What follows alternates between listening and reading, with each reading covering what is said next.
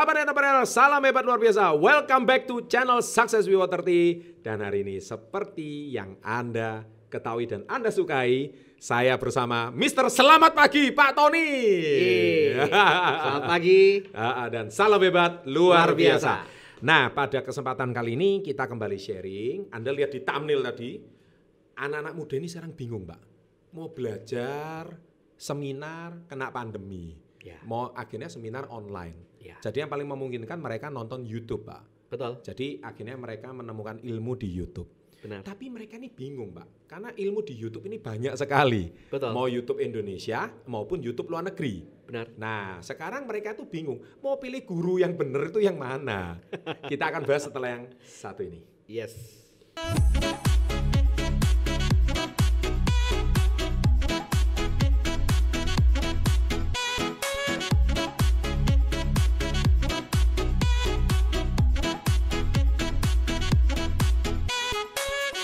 Pak Tony, Pagi, Pak kasihan pagi ya. Ini para netizen ini kasihan Pak, bingung Pak. Ya. Mereka ini kan istilahnya eh, sekarang mencari informasi itu kan semudah mencari apa pun di HP ya Pak. Betul. Jadi mereka tinggal searching, Yes. mereka tinggal masukkan kata kunci, Ya. mereka tinggal browsing di YouTube, mereka udah ketemu. Ya. Mau cari apa pun itu ada. Ya. Mau bahasa Indonesia maupun bahasa Inggris di luar Gratis negeri. lagi. Gratis lagi. Nah, bagusnya Pak, informasinya gampang. Nggak kayak kita dulu, Pak. Betul, Pak. Setengah mati zaman kita dulu ya, Pak. ya. Seandainya dulu eh, ada kondisi seperti ini, Iya. sudah maju seperti ini, Betul. mungkin Mercy saya tetap di garasi saya. Nah, tuh cek tonton video Pak Tony kehilangan satu unit Mercy gara-gara beliau tidak tahu apa itu namanya investasi saham. Yes. Ya, dan akhirnya Anda silakan tonton video itu. Jadi gurunya Pak Tony itu tidak dari YouTube, tapi Tidak. guru ilmu jalanan. Ya, begitu juga saya Yang pertama jalanan, yang kedua saya dari baca buku, Pak. dari baca buku. Ya, Nah, baca buku-buku tentang ya saham, Iya. baik fundamental analysis, kemudian technical analysis, banyak lah. Banyak, Eh, saya ada satu lemari hanya untuk Dengar saham. tuh. Jadi saya mengundang Pak Tony ke channel Success Before 30 yang mana ketika video ini dibuat udah 3 juta subscriber, Pak. Ya. Apakah kami mau mempertaruhkan 3 juta subscriber hanya Oh. untuk mendatangkan guru palsu atau Yes. guru yang tidak punya bobot Yes. atau guru yang tidak punya pengalaman dan jam terbang. Dan ngomong-ngomong, jangan-jangan Pak Tony ini usianya lebih tua dari bapak kamu loh. Artinya jam terbang beliau itu banyak sekali. Iya kan? Nah, jadi ini banyak netizen yang Iya. mereka itu menganggap oh guru itu banyak, iya kan? Tapi saya harus pilih yang mana. Nggak salah sih, Pak. Mereka itu kan namanya pengen cari yang terbaik. Betul. Nah, gini aja, Pak. Di video kita kali ini, saya pengen mengajarkan kepada para sahabat SP30 Ya. yaitu Pak ciri-ciri pilih guru yang benar tuh gimana sih Pak? Supaya saya nggak mau tanya yang fake guru atau guru-guru yang ngawur, ya saya nggak mau bahas itu Pak. Nggak, Ya. saya nggak terbiasa bahas konten negatif Pak Ya. di channel kami. Kalau menurut Pak Tony, guru yang pantas diikuti itu guru yang seperti apa sih Pak? Yang pertama sebetulnya Anda sendiri bisa menilai sih dari hati nurani Anda, Betul, dari apa yang dikatakan, betul, cara berbicaranya. betul. Kemudian ada nggak landasan untuk berbicara? Landasan untuk bicara. Iya. Jadi kalau kita berbicara investasi, Pak, Betul. itu kan ada yang namanya underlying asset. Hmm, Kalau kita mau berinvestasi, berinvestasilah yang ada underlying asetnya. hmm. Apa itu underlying asset? Underlying asset itu adalah aset yang eh, membuat eh, produk tersebut laku. Misalkan saham. Betul. Aset apa underlying asetnya? Underlying asetnya adalah perusahaan itu. Perusahaan itu sendiri. Nah, kemudian eh, sebuah negara, Ya, kalau kemudian dia menerbitkan uang, betul. apa underlying asetnya? Ya. Dia harus menyetor sejumlah emas. Ya, Jadi kalau kita itu mau berinvestasi, kita harus melihat investasi yang punya underlying aset. hmm. Jangan berinvestasi yang underlying asetnya nggak jelas seperti di konten sebelumnya janda bolong tadi, Pak. Gelombang cinta, Gelombang cinta. anturium. Itu underlying asetnya apa? Ya gitu. underlying asetnya ya tanaman Bodong, itu. Mbak. Nah, hanya dibuat sebuah alat aja Yes, gitu yes, kan. yes, yes. Tidak ada pertanggungjawaban, tidak ada otoritas yang mengatur. Tidak ada otoritas yang mengatur. Nah, ya. Itu kalau investasi. Demikian juga dalam memilih mentor mentor atau guru. guru Iya. atau pembimbing atau Pembimbing. coach ya. Itu ada underlyingnya enggak? Hmm. Contoh, kenapa seseorang bisa menjadi guru ya, di TK dan SD Betul. dan SMP dan SMA? Mereka pasti lulusan sekolah minimal sarjana sekolah pendidikan. sarjana pendidikan. Betul. Itu itu underlying underlying aset. asetnya, Iya. dasarnya Pak ya. Dasarnya ada dasarnya betul, gitu. Betul, betul. betul. Jadi pada saat mereka mengajarkan, ya otomatis dia bisa mempertanggungjawabkan apa yang dia ajarkan. Iya, iya. iya. Kemudian eh, kalaupun dia tidak latar belakangnya bukan guru pendidikan, eh, Iya. sarjana pendidikan ya, Iya, bisa saja sarjana komputer ngajar matematika. betul. Iya kan, sarjana komputer ngajar matematika. Betul. Boleh nggak? Boleh lah. Iya. Orang kalau bisa jadi sarjana komputer pasti pintar matematika. Pak. Iya, iya. Iya kan? Iya, iya, iya. iya. Jadi ya masih boleh gitu, underlying asetnya masih ada. minimal seorang sarjana gitu Pak. ya. Minimal ya seorang Ada sarjana. seorang ada standar tertentu lah ya. Ya, nggak mungkin anak tamatan eh, orang tamatan TK atau SD jadi guru SMP, Pak. Ya itu enggak masuk akal sih menurut saya. Jadi gini ya guys, artinya kalau saya mau menjembatani kata-kata Pak Tony, Anda pelajarilah background Pak Tony. Pak Tony juga seorang pengusaha, beliau juga seorang trainer yang cukup ternama. Anda lihat juga beliau juga seorang sarjana S2 yang bertanya jangan-jangan bukan S2 Pak, ya kan? Terus beliau juga hari ini reputasinya beliau sebagai jam terbang beliau sebagai trainer tuh banyak sekali. Begitu juga Anda tinggal googling nama saya aja ketahuan banget gitu loh di YouTube. Jadi ketika Anda hari ini searching di internet, Anda hari ini mau ngikuti soalnya gini Pak, banyak orang itu wih kalau bicara meyakinkan Pak. Betul. Sehingga seolah-olah eh, beliau itu dianggap seorang guru gitu loh Pak. Tapi underlying asetnya tuh nggak ketemu gitu loh. Pak. Betul. Nah itu itu gimana kalau menjembatani gitu? Ya mohon maaf Pak ya. Saat ini kan semua memang namanya pembicara Pak ya. Iya. Namanya aja baik di YouTube trainer ataupun Iya, apa pun. iya, Kan kita ini pembicara. Betul. Nah, banyak orang pokok bisa teriak, Pak. Iya. Selamat pagi gitu. Bisa jadi pembicara, Pak. Iya iya iya. iya. Terus kemudian ngomongnya berapi-api gitu. Iya. Itu bisa jadi pembicara. Pertanyaannya, Heeh. ada Dasarnya itu apa? Dasarnya ngomongnya ngawur nggak?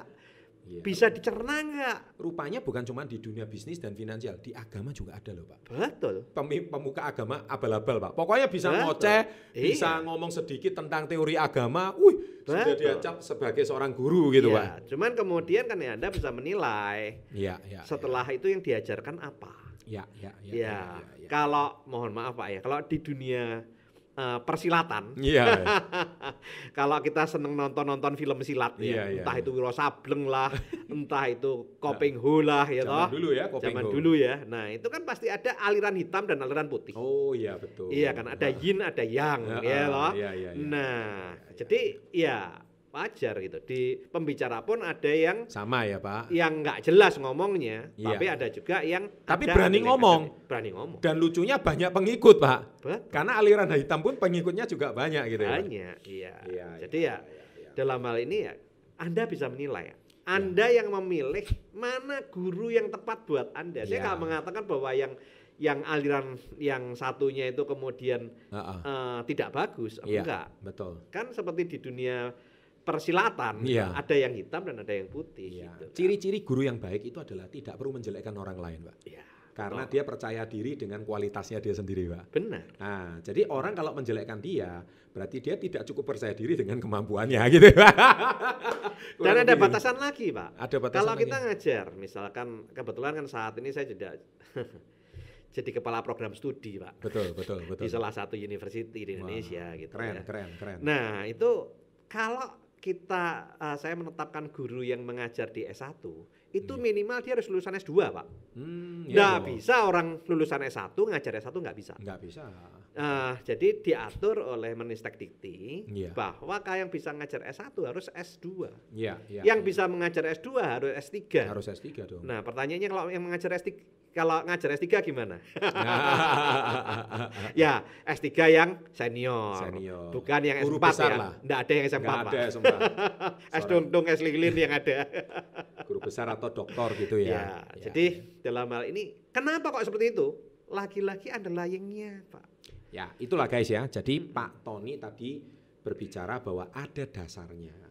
Jadi kalau minimal hari ini Anda kan sekarang too much information. Betul. Jadi di YouTube Indonesia maupun YouTube dunia Mm-mm. itu memang banyak generasi muda itu terkecoh pak Betul. terkecoh sama guru yang kelihatannya keren Ya. dia cuman pamer mobil mewah dikit dianggap guru sudah Ya. ya kan dia pamer apa sedikit itu sudah dianggap keren gitu ya padahal kita tahu bahwa itu sebetulnya eh, saya tidak mengatakan itu salah ya tapi itu mungkin salah satu strategi marketing pak Ya. untuk menggait menarik minat ya Oh. daripada eh, follower dan sebagainya Ya. itu itu salah tidak ada kata salah gitu loh Ya. tapi sekali lagi dasarnya itu pak Dasarnya apa? Nah, Pak Tony tadi menegaskan tentang dasarnya, underlying asetnya itu. Dasarnya itu apa? Ketika Anda bisa menemukan dasarnya, Anda teliti sebelum membeli ya Pak ya. Ya. Saya percaya Anda tidak akan eh, mudah terkecoh oleh guru-guru yang menurut saya aliran hitam itu tadi ya Pak ya. Saya tidak dan Pak Tony tidak menyebut siapa pun Ya. ya, baik di Indonesia maupun di dunia Ya. karena Anda sendiri yang tahu ya kan. Kalau Anda tahu silakan tulis di kolom komen dan kami tidak pernah akan menjawab komen Anda kalau menyerang ke salah satu eh, nama atau siapa. Itu semua kepulang pada hati nurani Anda Ya. masing-masing. Saat ini banyak kok guru-guru yang bagus, mentor-mentor bagus Ya, di YouTube banyak banget. banyak Iya. sekali ya Pak. Dan saya juga mengikuti beberapa. Salah Iya. satu yang saya jujur saya yang favorit dengan John C. Maxwell, Pak. John C. Maxwell. Ya, betul. itu saya apa namanya? Saya sampai itu setiap kali Mm-mm. uh, John C. Maxwell itu upload mengeluarkan video. sesuatu, Ah. itu dia pasti langsung connect ke email saya, Pak. Iya, iya. Jadi nggak hanya subscribe doang, Ah, ah. langsung di email saya. Iya, iya, nah, iya, jadi apa namanya? Ya, John C. Maxwell uh, saya emang dari sejak saya usia 20-an, Iya, sudah ngefans Pak ya. saya sudah ngefans. Pakar Karena leadership ya. kenapa? Karena underlying-nya jelas, Pak. Jelas. gitu Iya, ya. apa yang diajarkan normanya jelas. normanya itu Iya, jelas. dan Ah, itu membawa dampak yang besar buat saya. betul. Iya kan, bagi kehidupan saya gitu. Betul, betul. Jadi kayak David J. Schwartz, Iya. John C. Maxwell. Iya. Sayangnya David J. Schwartz kan sudah meninggal. betul, betul. Nah, saya jujur hidup saya eh, banyak berubah. Mm-mm. Bisa dikatakan John, eh, David J. Schwartz itu merubah hidup saya. Iya, iya. Dari iya. saya eh, cuman seorang yang dulunya cuman seorang karyawan Iya, gaji 450 ribu iya. naik motor Betul. ya kan nah jadi eh, menjadi saya yang saat ini gitu Berani berpikir dan berjiwa besar gitu. ya Ah. apalagi apa namanya saya dulu juga bukan seorang yang pandai bicara saya Betul. cenderung gagap Betul. itu banyak sekali dirubah oleh buku dari John C. Maxwell Anda Iya. bisa baca eh sorry dari buku daripada David J. Schwartz ah. Anda bisa baca The Magic of Thinking Big Ya, itu di Gramedia ada sampai berjiwa. saat ini masih termasuk buku terlaris dan bagi saya itu adalah buku terbaik pak buku terbaik. bagi saya. Iya, iya, Ya. iya, iya. Uh, the Magic of Thinking Big adalah lagi The Magic of Thinking Success. Iya, nah iya. itu saya bagi saya itu adalah dua buku yang legendaris. Iya. Kemudian Dale Carnegie, Dale Carnegie. uh, How to apa bagaimana cara and kawan. influencing Ya, people, ya. ya itu. Terus Udah saya kemudian- review semua Pak di channel Success Ya, ya, buku-buku itu menarik. Terus Menarik, kemudian buku-buku John C. Maxwell, Iya. Saya bisa memimpin uh, banyak bisnis juga dari buku tersebut Iya. Betul, gitu kan Ya, betul, kalau saya tanyain siapa mentor saya saya mentor saya kalau di dunia uh, istilahnya untuk pengembangan pribadi Iya. ya David J. Schwartz dan John C. Maxwell adalah mentor saya Iya, mentor kan iya. tidak harus berarti saya harus ikut seminarnya Betul, betul. tapi dengan saya membaca bukunya adalah saya adalah Sudah cukup ya. bagi saya adalah mentor Nah, bicara soal Bapak mentor, saya percaya Pak di zamannya David Schwartz dan John C. Maxwell pasti ada orang yang menyerang beliau sebagai fake guru, Pak. pasti Pasti itu ya, Pak ya. Iya, iya. Sebagai guru yang tidak jelas karena orang mempertanyakan ini ngajarin leadership, ngajarin ini, Iya. ngajarin itu, ngajarin wah bisnismu gede nggak sih? Bisnismu apa Iya, sih? iya. Banyak orang Betul. pasti mempertanyakan seperti itu. betul Tetapi mereka tetap besar, Pak. dan mereka pun juga punya mentor loh pak Mereka juga punya mentor ya, Pak. John C. Maxwell itu mentornya keren pak Iya. Robert Schuller Robert Schuller. itu adalah orang yang uh, istilahnya uh, generasi sebelum Betul. J- uh, daripada John C. Maxwell dan David J. Schwartz Betul. yang mana juga menulis buku dan pada saat itu Iya. itu banyak banget yang baca buku gitu Banyak, Robert Robert Schuller Karena memang zaman itu belum baik. ada YouTube ya, Pak. ya? betul Ah, ah. kemudian uh, itu siapa namanya Warren Buffett Warren Buffett. itu kan punya uh, Mentor guru lagi. mentor juga kan Iya. uh, Benjamin Graham Benjamin Graham. yang mana itu adalah legendaris juga gitu loh. legend juga gitu. Nah, jadi dalam hal ini eh, kita bisa belajar dari orang-orang yang memang betul-betul kita tahu sukses. Iya, Kemudian mentornya juga sukses, Pak. mentornya juga orang nah, yang sukses. jadi seperti saya eh, bisa sharing seperti ini. Memang saya nggak pernah ketemu Warren Buffett, Mas Ian, tapi Betul. saya banyak baca buku bukunya Warren Buffett. Dan saya sedikit- baca bukunya Benjamin Graham. sedikit banyak mempengaruhi cara berpikir Bapak. Eh, banyak banget, Pak. Sangat banyak banget. Ya, Dari ya. situlah saya bisa membalik dari rugi satu mercy sampai dapat beberapa mercy gitu kan, Pak. Nah, tuh deh ya, guys ya. Jadi kurang lebih ceritanya Pak eh, Tony tadi udah kita bahas di sini sebagai narasumber. Dan kalau anda mau dapat informasi lebih banyak, eh, seminar kami nggak cuma bicara soal 10 menit konten kami ini, tapi kami juga membahas di webinar. Betul. Ya, dan di Ya. webinar itu kami membahas lebih dalam lagi Ya. bersama Pak Tony informasi-informasinya dan Anda beruntung banget karena eh, bagi Anda yang tidak suka baca buku ya kami sudah ada konten webinar ya kami dongengin langsung isi Nah, bukunya. ini enaknya, Pak. Enak Zaman ya. saya dulu, Pak. harus baca Ampun, buku. Pak. Kenapa nggak ada yang nggak ada yang ngomongin? Heeh.